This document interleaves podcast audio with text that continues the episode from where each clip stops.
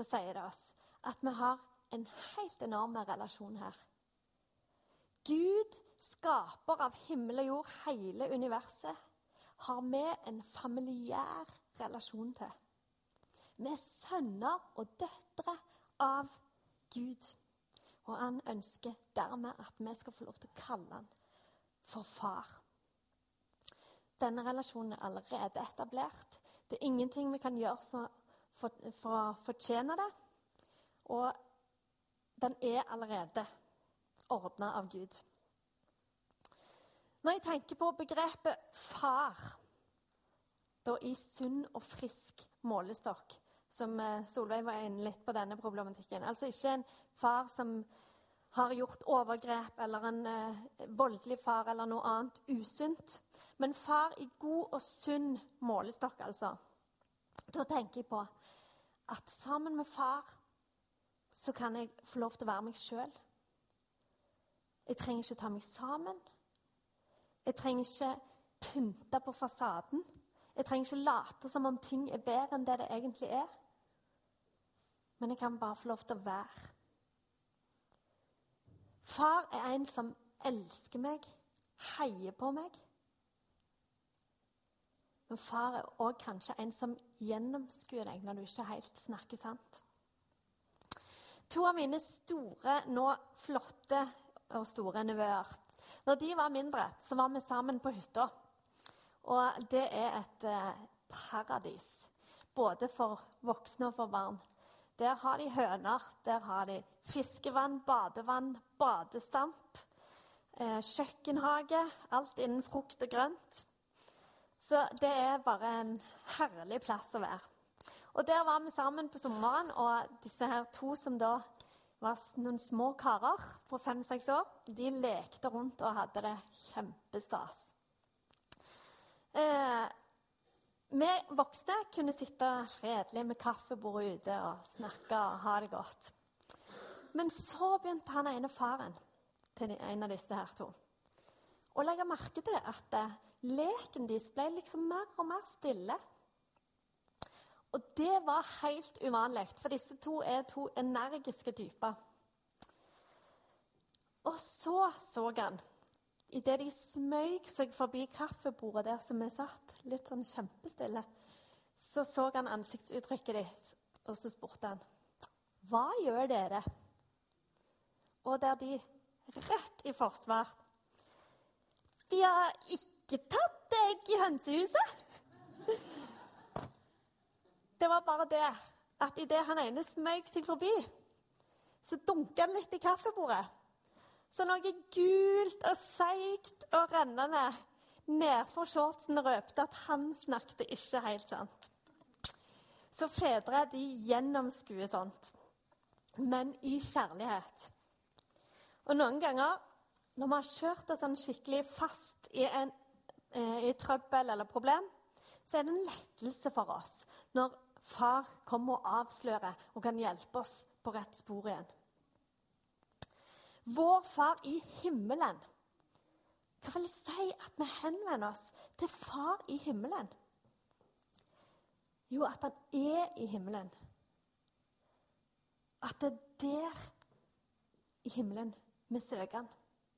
Det er denne virkeligheten vi kommer til. Det er den vi søker. De rammene og den virkeligheten. Og når Jesus døde så revna forhenget inn til det aller helligste. Før ville vi dødd hvis vi gikk inn i det aller helligste. Men nå når Jesus har dødd, så er det der vi får lov å komme.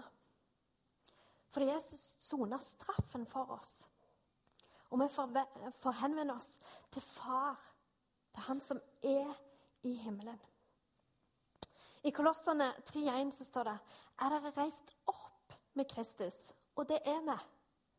Så søk det som er der oppe, hvor Kristus sitter ved Guds høyre hånd. Det er den virkeligheten vi får operere i når vi ber. Og når vi tror, så har vi fått Den hellige ånd. Som bor i oss. Og det å anerkjenne og omfavne Den hellige ånd er utrolig viktig når vi ber. For hva gjør Den hellige ånd? Jo, han herliggjør og åpenbarer Jesus for oss. Han gir oss kraft. Han taler til oss. Han minner oss om Guds ord. Og mye, mye mer. I eh, en engelsk oversettelse, eh, The Message, som noen av dere gjerne har lest i, så står det om Den hellige ånd at han kommer med livgivende kraft. Og Det syns jeg er bare så utrolig fint bilde. Den hellige ånd gir oss livgivende kraft. Så omfavn Den hellige ånd når du ber. Hvis vi går til Gamletestamentet, så er begrepet far, altså da referert til Gud, brukt bare 14 ganger i hele Gamle testamentet. Og nesten alle av disse eh, gangene er det brukt som symbol eller som metafor eh, på Gud som far. Eh, Salme 103, 13 f.eks. Som en far er barmhjertig mot sine barn, slik er Herren barmhjertig mot dem som frykter ham. Det er bildet på Gud. Og det er ingen sted i Gamle testamentet der et enkeltmenneske henvender seg til Gud som far. Til forskjell så er far brukt 15 ganger bare i bergprekenen i Nytestamentet, som henvendte Gud. Totalt over 170 ganger i hele Nye Testamentet er Gud som far brukt. Og Jesus han ba til Gud far hver eneste gang, utenom når han hang på korset og siterte Salme 22. Min Gud, min Gud, hvorfor har du forlatt meg? Når Jesus bruker far, så er det for å understreke den dype, den intime, den familiære, fantastiske relasjonen som vi har til Gud allmektig. Og dette var helt uhørt som jøde. Vi brukte ikke Guds navn. Vi skulle ikke bruke det, for det var så hellig at det kunne forurenses ved å komme på menneskers lepper. Og så kommer Jesus, og så henvender han seg til Gud som far. Hver eneste gang han ba. Og ikke bare det, men når disippelen kommer og sier 'Herre, lær oss å be', så er det dette han sier. Når dere ber, si 'Vår Far'. For en ellevill revolusjon! Fra ikke kunne nevne navnet til Gud til å henvende seg til Han som far. Og i og med at Jesus er Guds sønn, og han gjorde oss ett med seg, så er vi barn av Gud. Jesus er vår bror. Gud er vår far. Og vi kommer til far når vi ber. Og Gud som far er over enhver assosiasjon og erfaring vi måtte ha med far. Enten du har en negativ eller positiv erfaring med far, så er Gud som far mye større, mye bedre. Og det er ikke ord for å beskrive hans enorme lengsel og kjærlighet til oss. Han ønsker å gi oss alt godt. Matteus 5, 48. Vær da fullkomne, slik deres himmelske Far er fullkommen. Her får vi starte bønnen, Fader vår. Han som er fullkommen, som har så mye godt å gi. Og i Jakob 1,17.: All god gave og all fullkommen gave kommer ovenfra, fra Han som er himmellysenes far. Hos ham er det ingen forandring eller skiftende skygge. Mediter på hva det betyr for deg at Gud er din far. Jeg har lyst til å ta deg med til slutten av Jesu liv på jorda. Jesus ble tatt til fange og sto foran Pilatus. Og jeg tenker Pilatus tenkte sikkert fortvila hva han skulle finne på for å få folk til å skifte mening, så han kunne slippe fri Jesus. Han fant jo ingen skyld i Jesus. Og han ante gjerne inni seg at det var noe med denne mannen Jesus. Kanskje han frykta Gud. Så Pilatus stilte fram Barabas. for å se om det kunne hjelpe. Barabbas som var en kriminell, som var en morder. Og det er ingen tilfeldighet. Navnet Barabbas er satt sammen av to deler. Bar er som våres send, altså Hansen, Knudsen osv. Sønn av betyr det. Og Abbas fra Abba, altså pappas. Pappas sønn, rett og slett. Det betyr at denne Barabbas var en gang en liten guttebaby som var så høyt elska av sine foreldre at de kalte han pappas sønn. Dette er helt uavhengig av hva livet hans skulle fylles med. De visste ikke at denne pappas sønn skulle stå ansikt til ansikt med Jesus Kristus på tempelplassen. De visste ikke at han skulle være der skyldig for mord. At pappas sønn skulle se med sine dypt skyldige øyne Jesu Kristi helt uskyldige øyne. Og til og med få lov å gå fri. Dette viser hvorfor Jesus måtte dø. Guds sønn ble menneske, sånn at menneskene kunne bli Guds sønner og døtre. Guds sønn ble menneske, sånn at menneskene kunne bli Guds sønner og Guds døtre. Lovbryteren står altså der, ansikt til ansikt, med han som skulle sone straffen. Og det er egentlig et sterkt bilde på meg og deg. Jesus, Guds sønn, som ble menneske, sånn at vi mennesker igjen kunne få være virkelig ekte sønner og døtre av Gud, vår far. Og Her får vi begynne denne bønnen, Fader vår. Ta inn over oss at Jesus, det han har gjort når han døde for oss og sto opp igjen, det er det som kvalifiserer oss til å være ekte sønner og døtre. Og sønner og døtre de har fått det samme som Jesus. I lignelsen om den bortkomne sønnen så sier faren til den hjemmeværende, litt grinete, sjalu sønnen, som jeg òg antageligvis ville vært. Men han sier, 'Alt mitt er jo allerede ditt.' Er ikke noen konkurranse her. Det er egentlig ikke en forskjellsbehandling. For alt mitt er ditt. Og det er det vi skal få lov til å ta inn over oss når vi kommer til Gud, vår far, som sier 'Alt mitt er ditt'. Takk han for at han er din far. Så kan vi gjennom denne refleksjonen få gi han ære. Prise navnet hans for den han er. Tilbe han og fokusere på et rett og sant bilde av hvem han er. Å være Jesus-sentrert. Som leder oss i denne tilbedelsen. Vår Far i himmelen, la navnet ditt helliges. Her vil vi lære å forstå Guds ulike navn og hvem han er for oss. Konge, Herre, Far, allmektig Gud. Fredsfyrste, hyrde, frelser, forsørger og lege osv. Vi takker og ærer Gud for hvem han er. Og i dette leddet så priser vi Gud for hvem han er, og hva han har gjort for oss. Og Jeg synes Salme 105, vers 1-5, understreker dette helt fantastisk flott. Pris Herren, påkall Hans navn, gjør gjerningene Hans kjent blant folkene.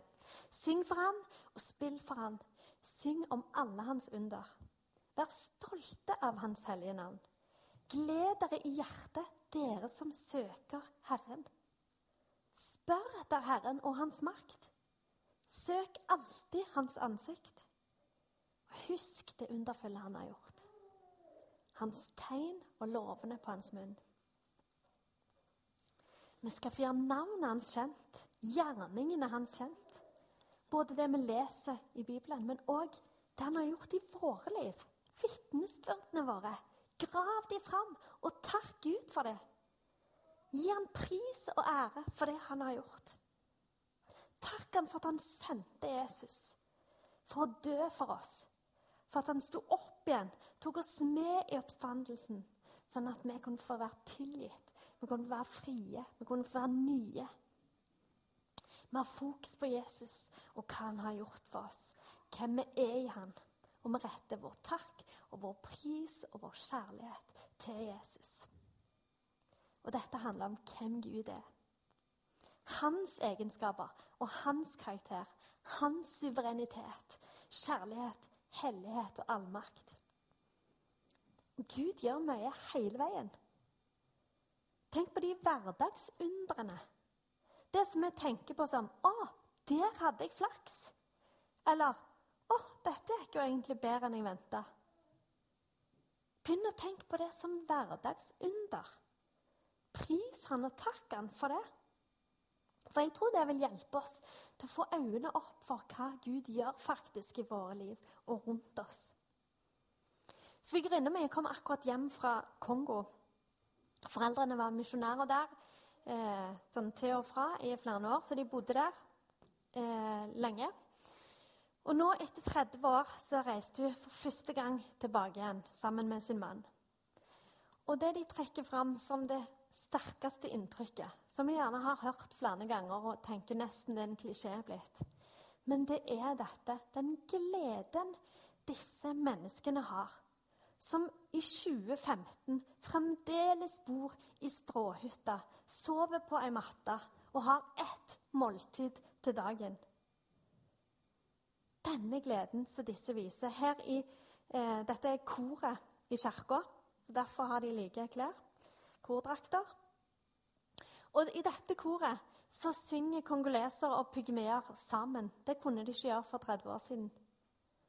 Pga. at de så sånn ned på pygmeene i ordets rette forstand. ja.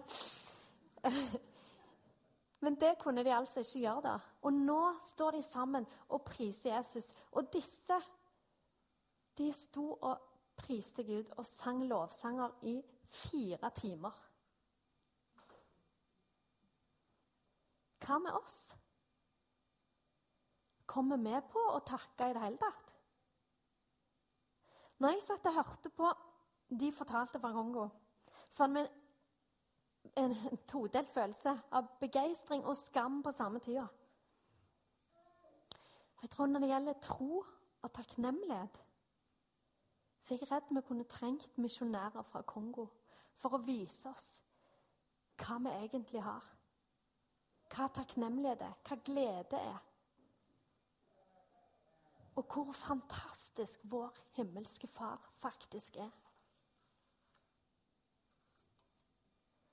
Jeg har i grunnen få øyeblikk i mitt liv der jeg virkelig trenger Gud for å ha det godt.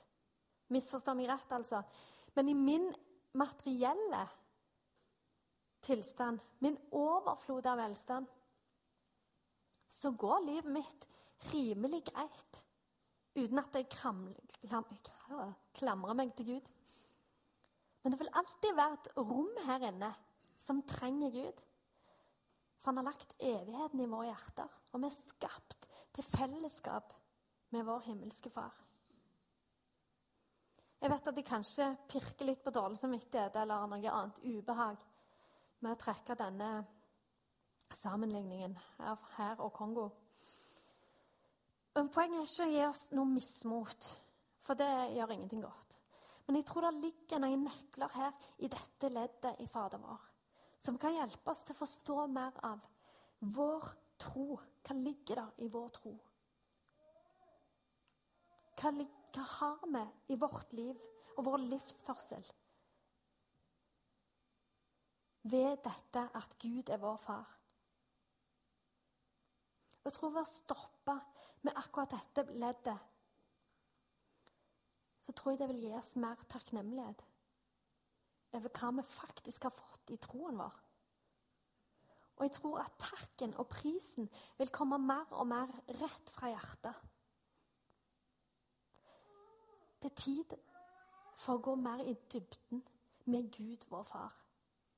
Så jeg utfordrer deg helt konkret til å ta noen minutter om morgenen eller med lunsjen eller når det måtte passe deg, til å be gjennom Fader vår, til å stoppe ved disse forskjellige leddene og reflektere over og be over hva det inneholder, de forskjellige delene. Kanskje tenker du at det er lett for meg å si som har denne jobben. For det er bønn som liksom automatisk, følger automatisk med i jobben min. Men det er ikke alltid sånn. Disse to siste ukene har vært utrolig spesielle for min del. Eh, jeg mista tanten min, som var syk og gammel og døde naturlig. Men jeg har òg fått sittet med en nær venn på min egen alder og salva og bedt for han. Som har blitt forespeila måneder igjen å leve. Så det er ikke en automatikk i at dette skal flyte greit. Og Jeg sier ikke dette for at det skal synes synd om meg eller noen som helst, men for å poengtere at uansett hvordan vår omstendighet er, hvordan livet vårt er akkurat nå, hvor håpløst realiteten virker, så får vi alle komme til vår Far i himmelen når vi ber. Og det er den virkeligheten vi kan få lov å operere i når vi ber. Vi er oppreist med Kristus. Vi er det. Og da får vi lov å søke og be inn i det som er der oppe, i himmelens virkelighet. Og vi kan få lov å være frimodige i det. Skal vi be. Himmelske Far, jeg takker deg for at vi alltid kan komme til deg. For at du er faren vår. Takk for at vi ikke trenger pynte på noe. Takk for at vi kan komme med akkurat det vi er opptatt av akkurat nå. Takk at du elsker oss med en evig kjærlighet. Takk, Herre, for at du har framtid og håp for oss. Du har ikke ulykkestanker, men fredstanker.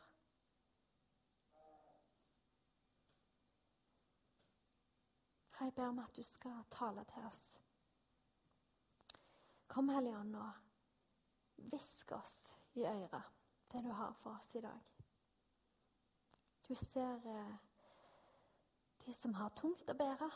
Du ser de som har det helt strålende. Du ser oss alle sammen, Herre. Og jeg ber om at du skal berøre oss. Berør oss med det du ser vi trenger.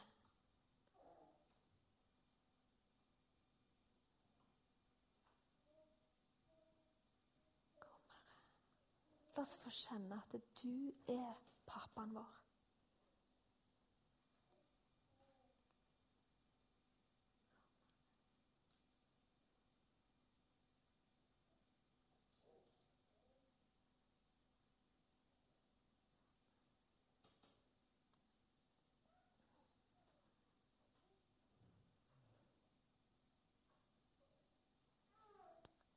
Jesu navn. Amen.